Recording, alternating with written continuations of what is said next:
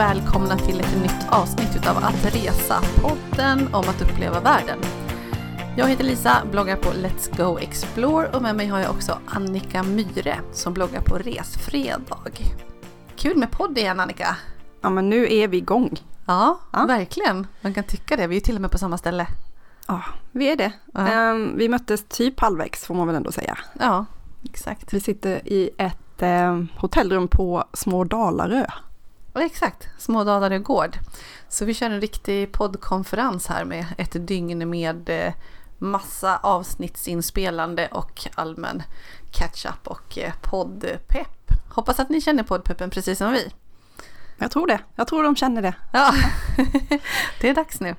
Ehm, och vi befinner oss i närheten av havet här eh, på Dalarö, eller precis vid havet. Och det är ju ändå det temat som vi ska ha i det här avsnittet också, så det passar ju bra.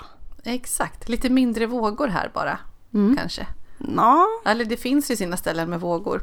Exakt, vi ska snacka om Portugal ju. Mm. Och inte bara Portugal allmänt utan framförallt ska vi snacka om att åka på surfresa till Portugal. Ja, och alltså Lisa, det här var ändå... Alltså jag är imponerad över att du tog upp den här drömmen som det ändå var för dig och fick med dig hela familjen. För när jag tänker på surfa så tänker jag eh, dig på någon sån här backpackerresa i 20-årsåldern där du springer omkring med en surfbräda, typ Costa Rica eller eh, något annat avlägset ställe. Men så var det ju inte med den här surfresan alls. Nej men exakt, alltså min erfarenhet av surfning är egentligen inte så mycket. Jag har ju alltid tyckt om allt som har med liksom action eh, att göra, rörelse, aktiva dagar generellt. Så jag har surfat, absolut. Eh, jag pluggade i Australien och tog någon kurs där nere på kusten längs med, jag bodde i Melbourne, så att eh, utanför det, jag tror att det hette Lorne, kan det stämma? Lorne, ja, en liten surfby liksom och blev superhooked, tyckte det var så sjukt roligt. Eh, men jag minns det som att vi låg väldigt mycket och liksom spanade i horisonten och väntade på att vågorna skulle komma. Det var stora otympliga brädor, jag vet att jag var helt förstörd inuti händerna för att de var så här skrovliga liksom så att man låg och drog händerna emot. Plus att solen var stark, jag hade givetvis stark eh, solskyddsfaktor men att det gick igenom och att jag på kvällen, jag hade så ont i händerna, jag var så bränd i ansiktet, jag hade så ont i alla muskler men jag älskade det. Men sen behövde inte, ja just jag tog inte den drömmen vidare. Det var inte så att jag blev så hooked så att jag kände att det här ska jag göra hela tiden. Men jag har stått på surfbräda, eller försökt stå. Stå gör jag inte, alltså jag är så dålig. Eh, men jag har surfat någon gång på Bali bland annat och, och Costa Rica testat lite och sådär. Men väldigt, väldigt begränsat. Har du surfat? Är det något som... Ehm, jag har provat och surfa i Australien också, alltså surfmecka såklart. Men eh, alltså surfa, vad är det? Jag ligger på brädan och paddlar lite och det ser så sjukt lätt ut när de liksom rider vågorna där, men det är, det är jätte, jättesvårt ju. Eh, Och ehm, jag låg mest och plaskade i vattnet Mm. och var lite rädd också för eh, man ska ju ha respekt för de här vågorna alltså. Ja, ja nej, men jag har nog haft någon liten sån, inte dröm, men tyckt så här, ja men det känns kul. Men framför allt så var målet tror jag med att surfa just på den här resan eller att åka på en surfresa med familjen. Att det handlade om att, ja men vad, vad är bäst resa med barnen upplevde vi då. Nu var det här förra sommaren som vi var där så vi satt för ungefär ett år sedan och barnen var ju då alltså 14, 11 och 6 år. Och var så här, vad kan vi göra med dem som bygger kring en aktivitet? Och det landade utifrån att vi gjorde, kom till insikten att våra resor och semestrar eller tid tillsammans blir bäst om vi utgår ifrån en aktivitet. Lite för att vara i samma dygnsrytm. Herregud, vi har en tonåring, hon vill sova superlänge. Vi har en, ja då sexåring, nu sjuåring. Vaknar hyfsat tidigt. Alla tycker om att röra på sig och vi som föräldrar som gillar att träna och sådär, vi kan ju få så här krypningar inuti om barnen blir bara för slöa och det är för mycket skärm och sådär. Det blir liksom inte välmående för oss heller och de tycker det är kul när det händer saker. Vi har roligt liksom när vi är på, på skidresor och liknande. Så vi tänkte att ja, men om vi utgår ifrån en aktivitet som alla kan tycka att det är kul så ja, men det skulle kunna bli bra. Så därför ville vi testa. Och för min del, alltså jag har gjort det så lite så att jag har ingenting i mitt muskelminne som pratar om, om surfning så, mer än att jag kan komma ihåg känslan av att lyckas fånga en våg, även om det inte är stående, men det här suget som uppstår när man, liksom, när man verkligen lyckas fånga en våg. Men jag har ingenting i muskelminnet. Men kanske skulle jag kunna ge barnen någonting i deras muskelminne, de som är så pass små. Precis som de har med andra grejer som skidåkning och cykling, liksom. vi har ju cyklat en del mountainbike och downhill och sådär. Som de kan få med sig från början. Det har inte jag heller kring downhill. Jag kan inte alls eh, befinna mig i rätt position på en cykel och tycka att det är rätt läskigt.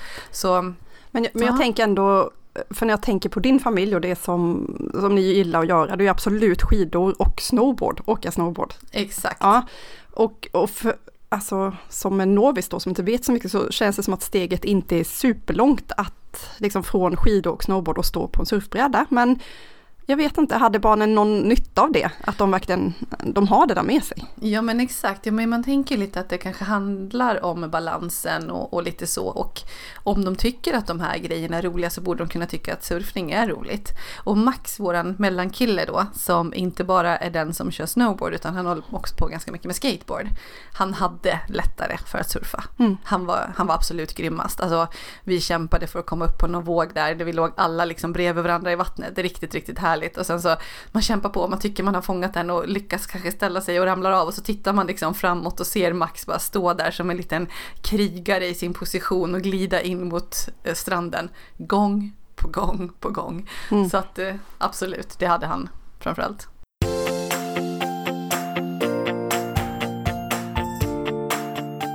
Men att ni hamnade i Portugal då, hur blev det? Alltså surfning tänker vi då, vi har pratat om Australien, vi har pratat om Costa Rica, men Portugal landade ni Mm. Jag har faktiskt aldrig varit i Portugal tidigare, inte ens liksom en weekend i Lissabon. Och jag har inte varit så sugen heller.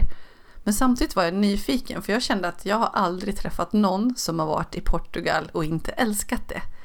Men jag var inte så, nej men inte så sugen på Portugal generellt. Jag kände så här, havet som du börjar inleda med här Annika, det här med horisont och havet, det är inte riktigt min grej.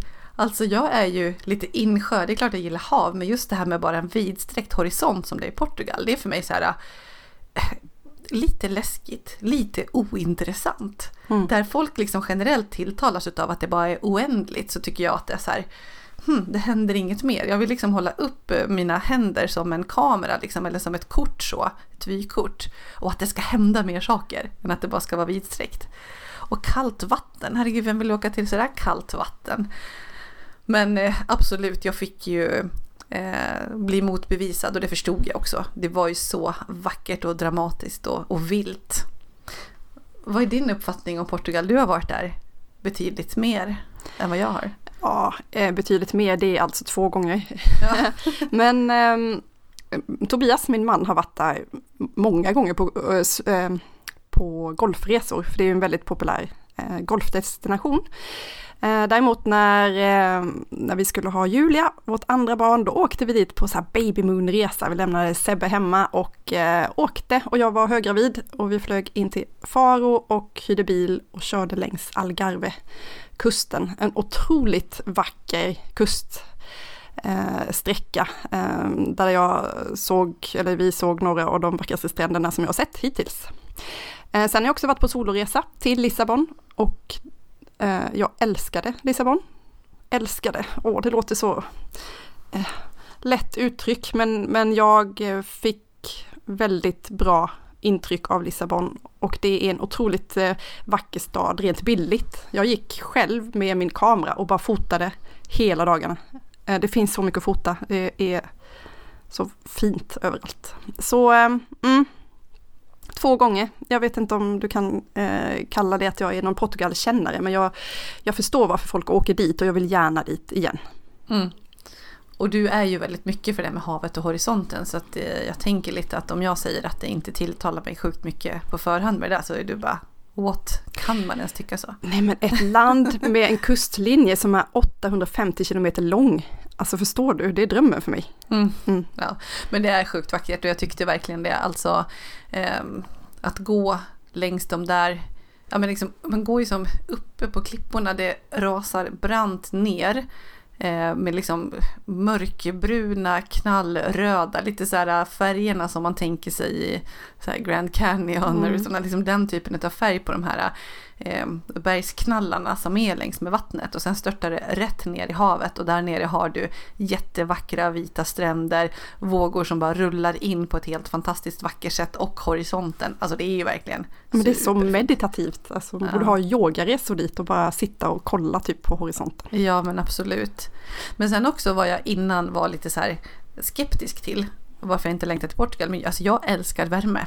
Om jag får välja så mycket hellre 33 grader än 21. Så är det verkligen. Mm. Hellre 34 än 18, alltså jag är ganska extrem. Hellre 40 än 15. Där befinner jag mig. Så jag var så här, gud kommer det vara kallt? Mm. Ska jag frysa här? Det gjorde jag inte, men det var ju en eh, riktigt rejäl värmefront, eh, eller vad det heter, varmfront som kom in. Så att det var, och vi var mitt i sommaren så jag fick en massa värme. Eh, och framförallt så kan jag förstå att det är behagligt året runt. Att vintertid så är det milt men fokus på aktiviteter så att man rör sig, man kan vara ute i naturen och vara aktiv. Eh, så det måste ju vara helt grymt med ödestränder och, och så. Mm. Och exakt när åkte ni dit? Vilken period av sommaren? Eh, vi var mitt i juli skulle jag vilja säga. Jag minns inte ens exakt när det var men det var högsommar mm. verkligen som, som vi åkte. Men surfen då? Alltså hur, hur hamnade ni i Portugal och hur valde ni aktör och, och hur gick ja, det till? Ja men exakt. Jag hade på omvägar, jag vet faktiskt inte hört jag vet faktiskt inte exakt var, men hört om ett ställe eller en arrangör som heter Magnus and Friends. Det är en eh, svensk arrangör, en svensk som flyttade till Portugal vad jag förstår och eh, startade upp det här surfstället. Eh, så mm, i Baleal som det heter, det ligger lite norr om eh, Lissabon. Eh, ja, det är känt Pinache, en annan by som ligger där nära och som har en speciell sjukt stora vågor som heter Supertubos. Men just här i Baleal då så var vågorna verkligen perfekta. De är det året runt. Man kan variera, liksom det finns eh, på olika delar av stranden, eller stränderna ska jag säga, som ligger mitt emot varandra. Så, så finns det liksom från enklare vågor till mer rejäla och stora och det är väldigt pålitligt. Det är bra vågor hela tiden. Eh, det här är inte ett samarbete. Det, jag tycker inte man ska behöva poängtera när det inte är, utan man kan säga när det är. Men jag vill bara säga att det här var en helt eh, egen upptäckt, betalad och så vidare och så vidare och så vidare mm. resa. Ja. Nej men jag har sett det, jag har sett att, de, att det är några kändisar som åker dit just med den arrangören. Eller jag har sett att det är hett liksom. Ja, så exakt. att du var ju helt klart inne på någonting. Ja, ja men exakt. Nej, men jag hade sett det och sen just att, att det var svenskt då. Så det utgår ifrån väldigt mycket en känsla utav community. Att du kommer dit, sen är du liksom många familjer, man bor tillsammans i, de har lite olika typer av boenden. De har sin surfvilla, sin havsvilla och det här utgår ifrån då att det finns gemensamt kök, gemensam, gemensamma altaner, balkonger, eh, ute liksom liten trädgård. Och sen så kan du bo så här två, tre familjer i ett sånt hus, men du vet inte vilka familjerna är innan. Och de tar, eller som det var då när vi skulle åka, tog en intervju med oss innan. Vilka är ni? Vad har ni för intressen? Vilken ålder är era barn i? För att få liksom en känsla för oss och kunna eh, matcha ihop oss med andra familjer så att man bodde mer eh, utifrån att det skulle bli mer häng mellan familjerna. Så det var ju en grej som också tilltalade mig för att jag ville att, att barnen skulle kunna hitta folk att hänga med och att jag och Henke, min man, också skulle ha det socialt och trevligt och så. Eh, så det var en annan grej som tilltalade mig väldigt mycket på förhand. Och sen att det då är svenska instruktörer i alla fall för barnen, så att de har sina egna grupper där det är fler svenska barn, de kan kommunicera, de lär sig surfa. Så de tar ju alltså emot barn från, jag vet inte hur, de, hur gamla de äh, yngsta är, men, men jag var ju som sagt sex år och det var ett barn som jag tror var typ runt fyra. Så de hade en egen grupp, den yngsta gruppen, de var ute och surfade, de stod uppe på brädorna, de lekte i vattnet, de byggde sandslott. Så alltid när vi vuxna, eller alla hade lektioner, så hade precis alla i hela familjen och alla olika grupper det samtidigt. Så, är ja, det typ så. som skidskola för, för eh, surfarbarn? Ja, exakt så. Så upplägget kunde ju vara så att okej, okay, vi käkade frukost tillsammans, vi gick upp eh, samtidigt, vi hade en lektion med vuxna på ena delen av stranden, barn på en annan del av stranden som var lugnare. Sen hängde vi kvar på stranden, vi käkade lunch, kanske badade, hade det skönt, kanske gick till boendet och tog lite chill. Och sen var det lektion igen, så att oftast var det två lektioner på en dag och ibland en. Och det var yogaklasser som vi hade där uppe på klipporna. Det var lekstund med ledare varje dag för barnen och så vidare. Så att det hände någonting hela tiden och så väljer man själv eh, vad man är med på för någonting. Och det var ja, olika sessioner med videoanalys och föreläsningar om surfkultur och det var aftersurf och, och så vidare. Mm. Så det var ett väldigt bra koncept och alla tyckte att det var superkul. Men kändes det var det liksom typ charterkänsla? Eller vad, vad var det för typ av känsla? Om du skulle beskriva stämningen på det här området där ni bodde. Ja, nej men det är ju väldigt liksom laid back och lite surf-vibe. Det är nästan så att jag vill lyfta upp och göra ett sånt där surftecken med handen till dig. Nu ser du hur cool jag är. Typ ja, den. Ja. Förutom att alla är så här som, som jag, eller alla, inte vet jag, men det var många som var vuxna i vår ålder, 45-ish och sen så barn från då 5 till 15, ibland äldre. Eh, och så delar de in i olika grupper då som, som det passar bra. Boendet är väldigt enkelt, mm. alltså viben är ju mer i att det är kanske lite utsmyckning i, i huset med, med posters och det är så här sköna gungstolar och det är man kommer ner till frukosten på morgonen som de som jobbar där då, de här ungdomarna och vuxna såklart. Alltså, jag ska inte säga ungdomar, det är väl unga vuxna snarare, mm. som hänger där och som lever surflivet. De har fixat i ordning värsta sköna buffén, men det serveras liksom inne i huset. Det är enkelt men gott och välgjort, allt med mycket kärlek i. Alla vet vad alla heter. Väldigt trevlig stämning, verkligen.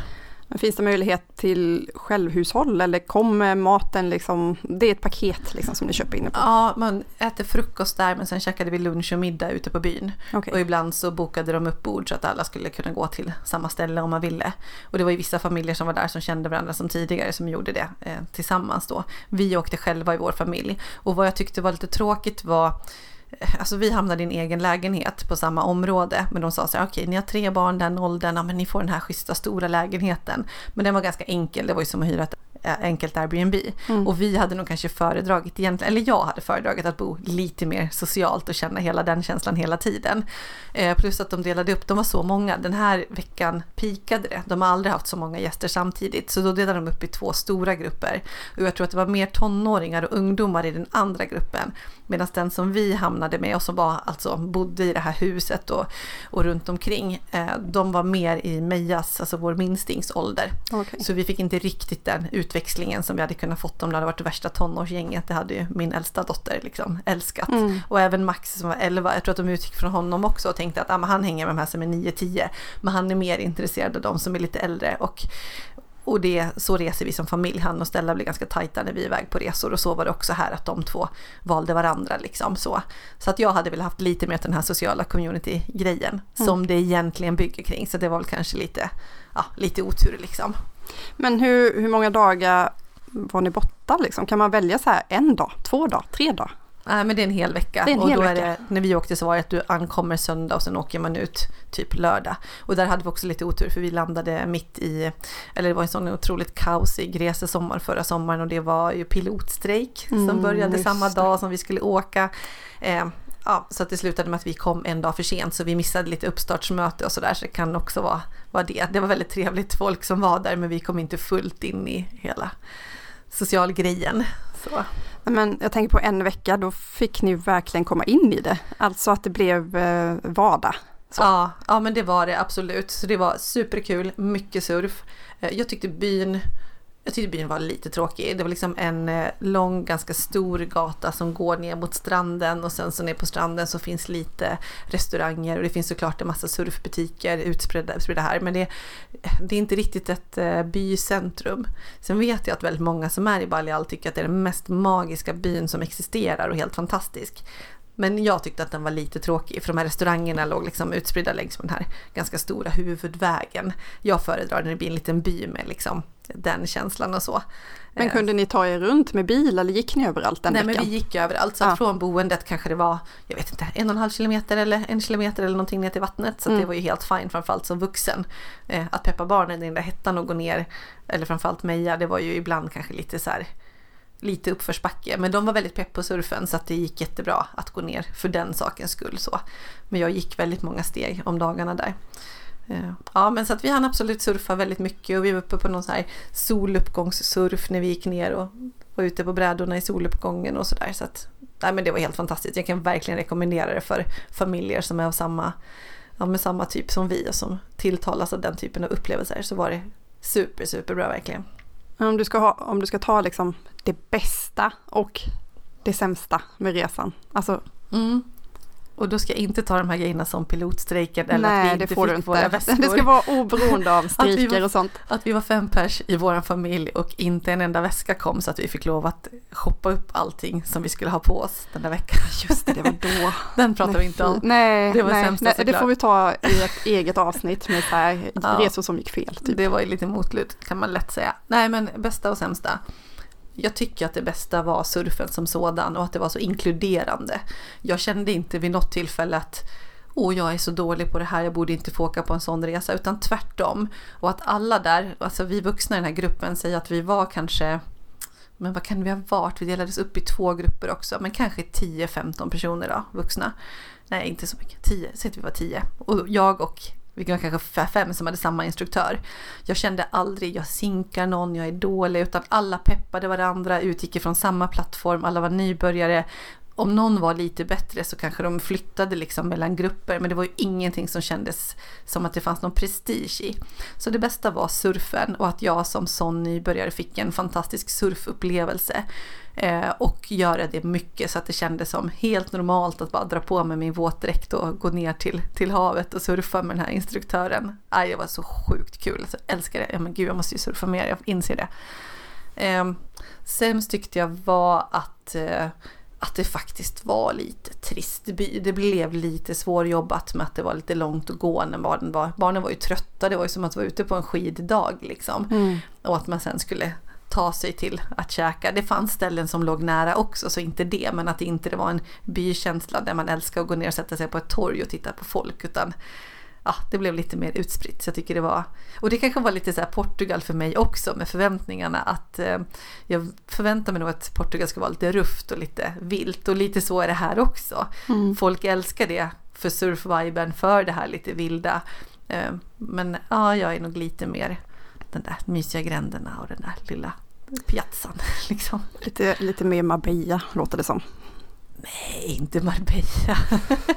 ja, men så, så var det.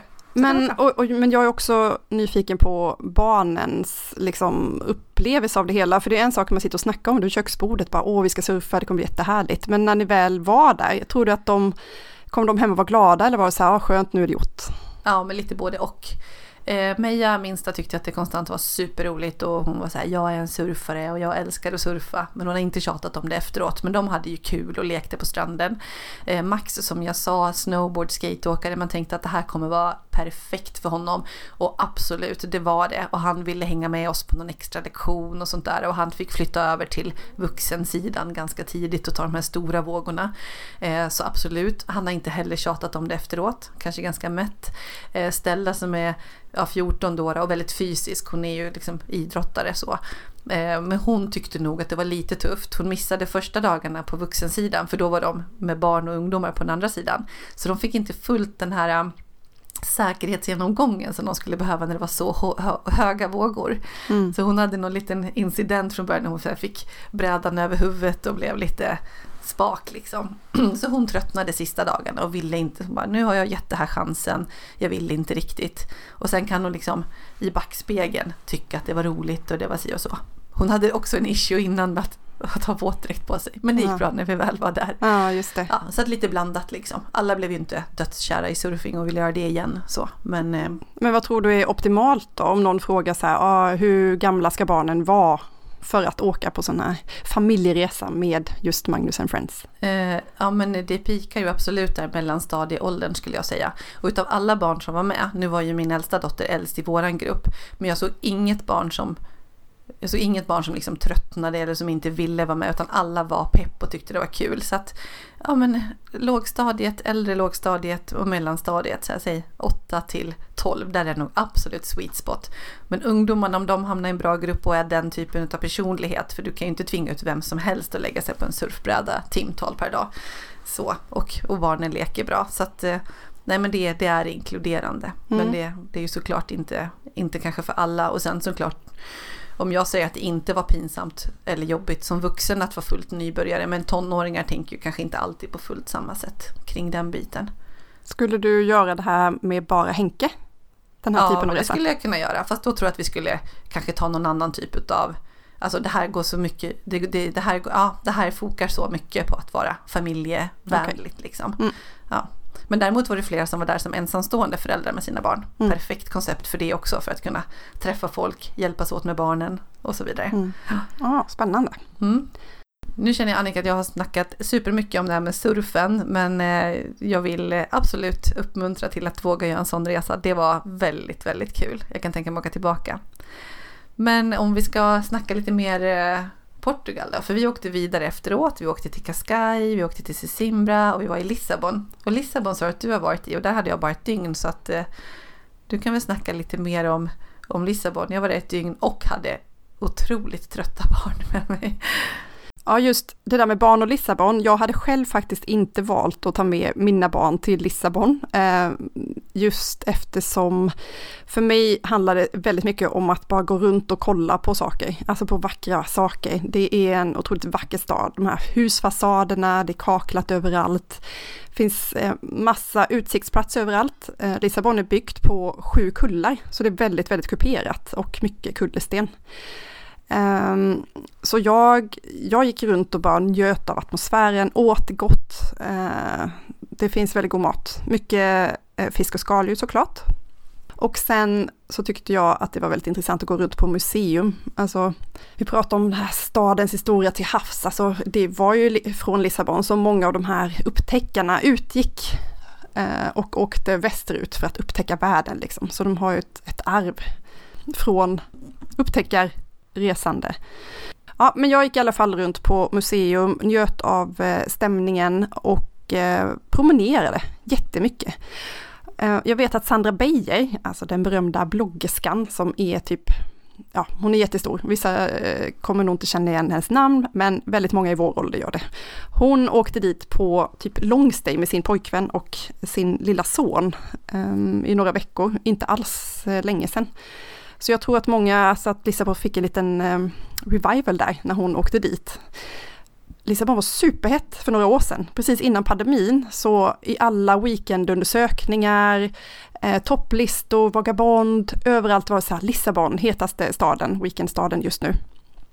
Sen kom pandemin, nu vet jag inte riktigt eh, eh hur hett Lissabon är längre, men det är definitivt värt att åka till som en weekendstad Mm. Och eh, jag skulle som sagt inte ta med barnen. Jag åker dit med kompisar eller själv eller med min man.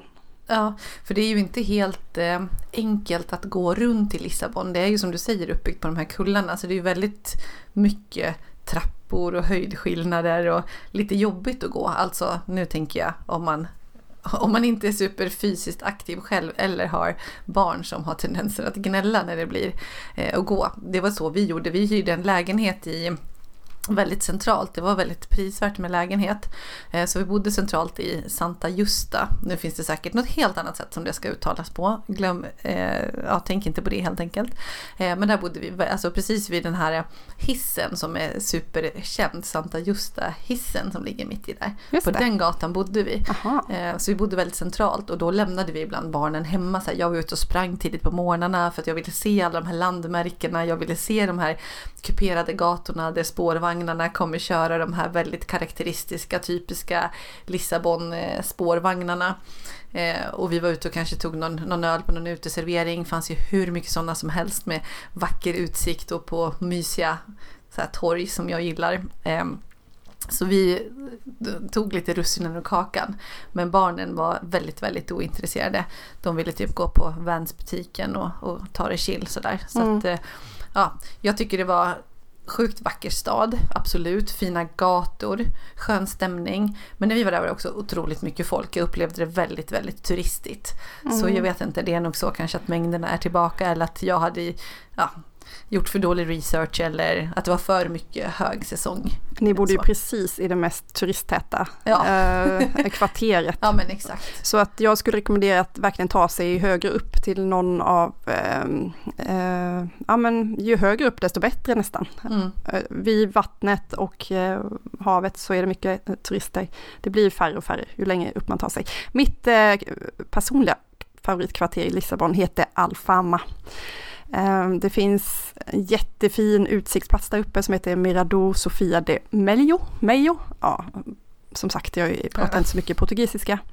Men om man vill ha de den vackraste utsiktsplatsen eh, eh, så skulle jag gå dit och kan man sitta där. Jag såg folk som hade tagit med sig en bok och satt och läste i solnedgången och det var helt så här guldskimrande sken från solen. Folk stod och spelade i gathörnen, spelade gitarr och sjöng och det var helt jättehärlig stämning där uppe. Så det är, ja, Alfama. Dit tycker jag att man ska ta sig. Ett annat tips är ju att eh, gå på matmarknad. Den är ju vida känd och ligger ofta som så etta på tips. Det ska jag göra när jag kommer tillbaka. Mercado Alvalade Norte. Det är den som gäller. Man ska kolla in den matmarknaden om man ska åka till eh, Lissabon.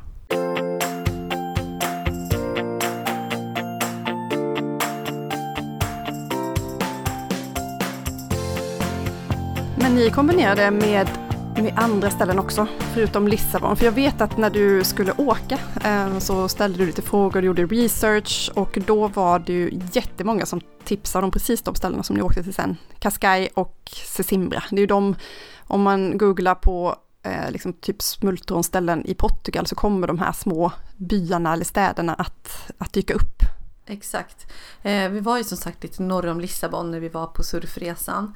Eh, så vad vi gjorde sen var att vi hyrde bil och så ville vi hålla oss hyfsat nära Lissabon. Det var också så att min äldsta dotter skulle flyga hem lite tidigare för att hon skulle göra andra grejer med vänner. Så att vi skulle lämna av henne i Lissabon och så skulle vi åka vidare och sen skulle vi åka hem en vecka senare, resten av familjen. Men vänta lite nu, flög hon hem själv från Lissabon? Ja.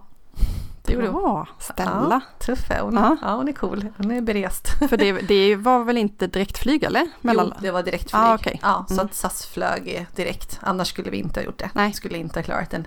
Eller klarat skulle hon nog, men jag skulle inte ha klarat att hon skulle göra en mellanlandning.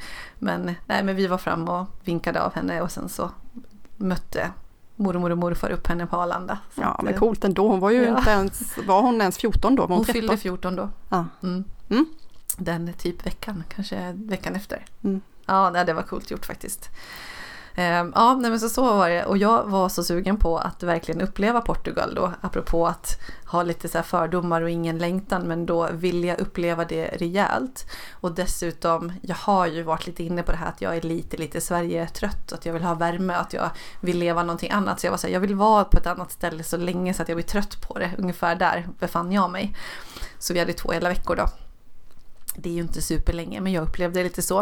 Eh, men vi åkte till Cascais då och det är en väldigt eh, känd liten fiskeby kan man säga. Det ligger 30 minuter med tåg från Lissabon så att du är egentligen, ja det är nästan så att det ses som en förort till Lissabon i princip. Eh, vad jag hörde innan var så här, ja men det var rätt stökigt 81 när jag var där och att det skulle vara lite den här eh, ruffa stilen. Men det är det inte nu. Jag skulle snarare säga att det känns lite som, som att det känns lite grann som Portugals Riviera. Alltså kanske inte fullt så posh, det är inte så posh i, i Portugal så, men det, ja, men det var fint.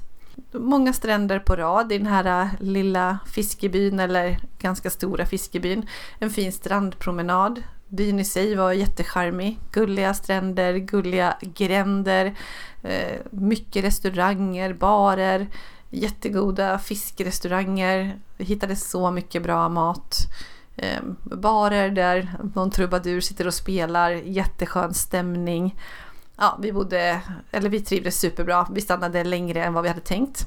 Vi bodde på ett hotell som heter Pestana Kikadella eller Cisadella, ett gammalt fort som ligger som inne i byn. Så hela det här gamla fortet är inrett som ett hotell, eh, typ ett konsthotell kan man säga. Väldigt mycket konst och allmänt artish. Eh, supercoolt, väldigt, väldigt bra boende tyckte vi. Eh, och det var klippor utanför, eh, den här dramatiska kustlinjen även här. Otroligt fint verkligen. Så att jag förstår verkligen Cascais goda rykte. Mm.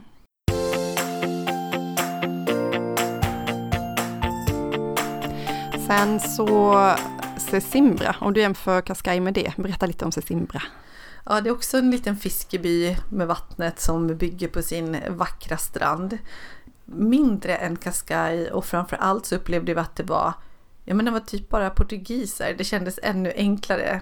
Inte bara portugiser såklart, men det kändes mer local generellt. Lite som att många har sitt eget sommarboende där. Inte alls samma turistinvasion höll jag på att säga. Nej men det var ju mycket turister i Cascais, men mycket lugnare i Sesimbra. Men det så, och, och längs den här strandpromenaden då som var jättefin eh, så var det jättemysig eh, stämning. Inte minst på helgerna med mycket så här uppträdanden längs gatorna och ja men det var fint. Vi hade lite svårare att hitta pasta carbonara och hamburgare du vet åt barnen medan jag och min man tyckte det var helt underbart med så sjukt bra fisk. Maten var, var grym där. Alltså mycket så här plain att det är liksom okej okay, du har fisk, broccoli och potatis men själva fisken och seafood generellt var ju helt underbart. Vi käkade mycket bläckfisk, vitlöksräkor, svärdfisk, någon havsabborre eller vad det var. Seabass, seabream, jag vet inte riktigt vilken som är vilken. Dubas. Så här stora spett med räkor, tonfisk. Ja men det var så himla god mat där. Sesimbra ligger också ihop med ett eh, naturområde som ofta blir nämnt som eh, typ vackrast i världen. Jag minns faktiskt inte exakt vad det naturområdet heter men Sesimbra ligger liksom nere på en liten, liten udde kan man säga. Om man har Lissabon så ligger det rakt söderut, lite sydväst. Och hela den udden är ett, ett naturreservat med väldigt mycket fina vandringsleder och eh, stränder. Det är någon strand som är kallad för Thai-stranden som folk åker på utflykt till. Det ser verkligen ut som det med kalkstens eh, kalkstensklippor och hela. Ja, men eh, grymt fint. Sesimbra kan jag absolut rekommendera. Men lite enklare, lite ruff, lite som Portugal som jag eh, hade kanske föreställt med det. Kallt vatten. Eh, funderar ni på att åka till Sintra? Ja, har du varit där? Nej, men det är ju som sagt, googlar man Portugal så kommer ju det här stora palatset upp därifrån. Och det ligger ju inte alls långt från Lissabon heller. Nej, exakt. Nej, men Sintra är alltså, det är ju Unesco-klassat, det är massa palats. Det, är, det ser ut som så här, alltså som att eh, Disney-slotten är inspirerade av det här stället. Mm. Jag ville så gärna dit. Men? Ja, jag tjatade på min familj. Jag bara, en dag ska vi göra någonting som jag vill. Då ska vi göra det här. Och det skulle bokas en Uber och åka dit. Det var Uber överallt. Inte superbilligt. Alltså, det kanske kostade en 500 att åka dit från när vi var i Cascais. Mm. Jag var så pepp. Jag hade övertygat alla i familjen att vi skulle göra det här för min skull och de var ju inte superglada. Alltså min man ville ju det här förstås men att dra med sig det här gänget. Kommer dit, ja. då är allt stängt för att det är risk för skogsbrand. Så ni var där fast ja. ni kunde typ inte... Nej, fick inte komma fram Nej. till palatsen. Oh. Så gatorna var liksom avstängda. Där kommer vi med Jag var så himla nöjd att jag fått med dem och visste att jag lever på en tunn linje mellan ilska och eh, okej då, vi går med på det för mammas skull. Så jag var i Sintra men kom aldrig till palatsen. Nej men så nära men ändå mm. så långt ifrån. Men det får man ändå skriva upp som en eh, punkt på sin bucketlist över ja. Portugal tycker jag. Alltså Exakt. av det som jag har sett. En annan punkt som jag tycker man ska skriva upp, eh, det är ett ställe som ligger inte alls långt ifrån Sintra. Eh, och det är Cabo de Roca, eller Cap Roca. Och det är Europas västligaste punkt. Jag tycker det är lite roligt med de här, vet, högsta, lägsta, västligaste, alltså allting som är någon slags typ rekord eller titel. Och eh, det är en, ja, det är en klippa, en väldigt hög klippa, 140 meter, som stupar rakt ner i havet. Och eh, det står en fyr där. Och ehm, jag och Tobias när vi var där tillsammans så tog vi med oss picknick, satte oss liksom precis vid kanten. Eh, jag var livrädd att jag skulle typ falla ner och dö, som sagt höggravid. Han bara kom igen. Men vi satt där, såg solen gå ner och det var ja, men det var så romantiskt och så vackert och vetskapen då om att liksom, det är bara hav framför en, västligaste punkten i Europa liksom. Mm. Så mm, skriv upp det också om ni gillar utsiktsplatser som jag gör. Eh, väldigt dramatiskt, väldigt vackert. Jag tänker att det kan vara ganska mycket turister. Vi var där, inte alls på högsäsong, så det var, vi var nästan själva. Mm. Så eh, skriv upp det också. Mm, ja men bra med lite tips runt om Lissabon-trakten för det är det det här räknas till också då. Mm. För annars har vi ju väldigt många områden kvar i Portugal som jag kanske behöver återvända till då. För att nu vet jag att Portugal är exakt så fantastiskt som alla säger även om jag, jag vet inte, det är också lite ruffare tycker jag än andra länder. Eh, prisläget bra förstås. Men jag kommer åka tillbaka men det är inte så att jag kommer åka tillbaka i sommar. Nej, men, men det, alltså för att få inspiration eh, som vi får ständigt och både du och jag, det är en av våra kompisar och kollegor som heter Katinka Ingman som har en fantastisk reseblogg som heter På vift. Hon flyttade till Portugal eh, mm. för ett par år sedan, eller innan pandemin, eh, från Sverige till Portugal. Hon lägger ut otroligt vackra bilder och reseskildringar och berättar mer om vardagen, hur det är att bo i Portugal. Så det kan vi verkligen rekommendera att kika in hos Katinka och få mer Portugal-inspiration. Ja men verkligen. Och sen är det ju så att den här Algarvekusten, den har ju jag verkligen kvar. Vi var väldigt sugna på att åka dit och hade tänkt att ah, men vi, tar, vi tar oss dit. Buss, eh, hyrbil. Tre, fyra timmar skulle det ta men, men orkade inte för det var ju en ganska aktivitetsmaxad eh, resa så vi behövde bara chilla. Men det, det har jag verkligen kvar och vill, vill verkligen åka till. Ja, men jag tänker att det är perfekt sen när dina barn är äldre och du kan åka själv med Henke. Hyr en bil och bara kör längs kusten. Och om du ska ta upp golfandet någon gång så är det absolut längs Algarvekusten som man ska sikta in sig på. Golf, paddel, surfa känns ju som en otroligt bra kombination skulle jag säga. Ja, vissa kommer nog inte tycka det. men, eh, Löpning längs med de här klippvägarna. Ja, men Portugal gör sig väldigt bra för en, eh, en aktiv resa. Mm. Vandring, alltså. Mm. Mm. Ja, men verkligen. Eh, men det här är som ett litet smakprov på Portugal. Vi kan absolut inte djupdyka, det finns så mycket mer att prata om. Vi skulle kunna ha ett avsnitt bara om Lissabon. Jag ville verkligen veta mer om din surfresa och det blir fokuset på det här avsnittet och vi hoppas att det eh, kan inspirera någon. Ja men exakt, inspirerade det dig? Kommer du kunna tänka dig åka med familjen på surfresa? Jag eller? tror faktiskt att uh, mina barn skulle tycka det var jättekul. Det låter precis som en sån sak för dem. Uh, inte lika mycket mig, för jag är lite för rädd av mig och Tobias har sådana problem med sin rygg. Mm. Så att jag tror att det skulle vara svårt med uh, alltså just surfningen om man har problem med ryggen.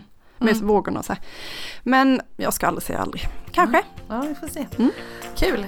Tack för eh, pratstunden. Det var härligt att minnas tillbaka till lite Portugaldagar. Ja, och vi lägger ut lite länkar till dina inlägg som du har skrivit från resan. Det får vi göra, ja. absolut. Ja, och så hörs vi igen. Tack så mycket Lisa. Tack Hej Hej!